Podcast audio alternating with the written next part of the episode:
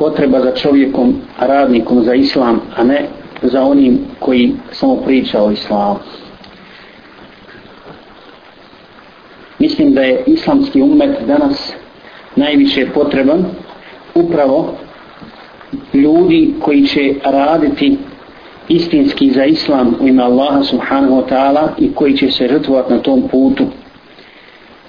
Jer kod nas muslimana a riječi idu mnogo ispred dijela.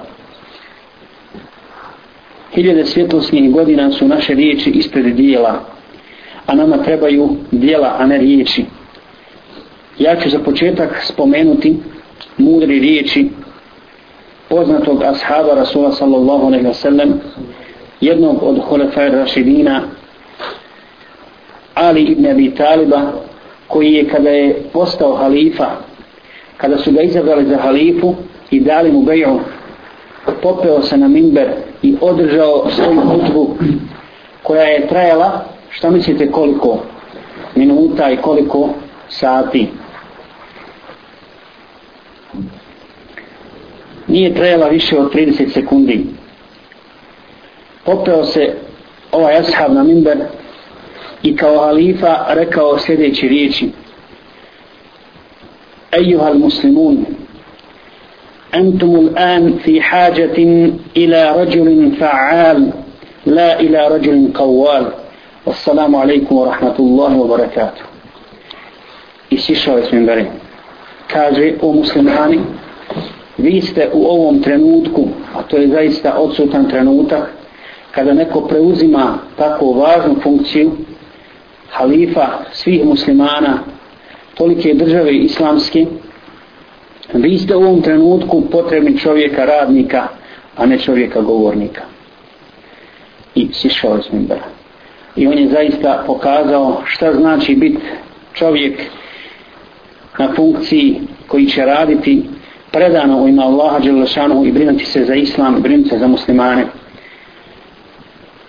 Dakle, mi jesmo potrebni opominjanja, jer srca često puta ogrube u ovom dunjalučkom životu boreći se sa velikim dunjalučkim iskušenjima. Također smo potrebni da čujemo glas istine koji se danas sve manje čuje a glas laži je sve bučniji i jači. Također braćo potrebni smo učenja Islama učenja Allahove vjere i Allahovi, Allahovih propisa propisa Allahove vjere koji su muslimani i te kako bili zaboravili pa su zbog toga umjesto ispravnih propisa vjere bili za vjeru uzeli običaje, raznorazne izmišljene običaje koji s vjerom nemaju ništa. A i danas se oni u mnogim sredinama ili kod mnogih ljudi praktikuju i oni su, oni su na snazi. Međutim nama trebaju dijela ovo je vrlo važna tema za nas i mi trebamo dobro razumjeti i nadam se inšao da ćemo se svi okoristiti od, od ovog predavanja. Dakle, e, ono pitanje koje se postavlja pred nas jeste šta mi u stvari činimo da pomognemo istinski muslimane. Da pomognemo muslimane koji su napadnuti, čija je čast napadnuta i metak i tako dalje na e, čitavoj planeti, a posebno oni koji su, koji su oko nas. Mi znamo, dakle, muslimani se često puta vade na ovu stvar. Sudbina je takva, mi smo danas u krizi, muslimani su slabi, nemaju sredstava, nemaju mogućnosti i tako dalje. I to je kader. Svi se brane kaderom. Allah, Allah tako htio i mi ne možemo, mi ne možemo ništa više učiniti. Međutim, e, postoji jedna druga stvar. Mi također znamo da Allah subhanahu wa ta'ala nikome zulum ne čini. Da Allah subhanahu wa ta'ala želi dobro islamu i muslimanima. I također treba da znamo, braću, da postoji Allahov zakon kojega Allah uspostavio na zemlji, odnosno u kosmosu, i Allahov zakon se ne mijenja. Volan tajide li sunnati Allahi tabdila. I neće svijetu Allahov zakonu promjeni.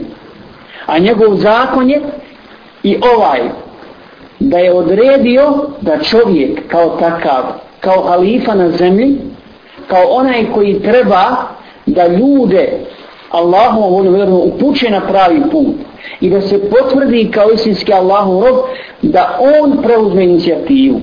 da on krene u akciju. Dakle, da bude aktivan i da radi u ime Allaha subhanahu wa ta'ala. Kad prihvati vjeru, kad prihvati islam, onda da to što je prihvatio i što je naučio, da ga istinski primjenjuje. Ne polovično. Ne uzeti od vjeri ono što se nama sviđa, ono što je nama lahko i ono što može svako uraditi. Nego raditi maksimalno koliko čovjek može dati od sebe sve na tom polju, ne samo kad su u pitanju ibadeti. To znači, dakle, govoriti istinu, boriti se za istinu, podržavati one koji govore istinu, pomagati onima na bilo koji način, onako kako čovjek može i kako zna, onima koji se bore da Allahova riječ bude gornja i biti u njihovom safu ne govoriti protiv njih, ne gibeti ti, ne klavetati, davati im podršku u najmanju ruku, subhanallah, barem dovu putiti za njih. Barem dovu putiti za njih. Kod nas danas to nije. Kod nas danas nije takva situacija. Dakle, mi imamo muslimane, ljude koji prihvate vjeru, koji prihvate vjeru i zadovoljili su se samo sa jednim dijelom islama. Samo sa jednim dijelom vjere, a to je oni svakodnevni ibaditi koje Allah što naredio. Namaz, post, zekat, hađ i to je to. To je to. Ali prije svega, ali do, to je dobro, naglasak se svega samo na namaz. I onaj ko dolazi u džami, on misli da je završio. Da je završio, da je on, on sebe već vidi u džennetu. Dakle, borba za istinu podrazumijeva mnoge stvari. Podrazumijeva mnoge stvari.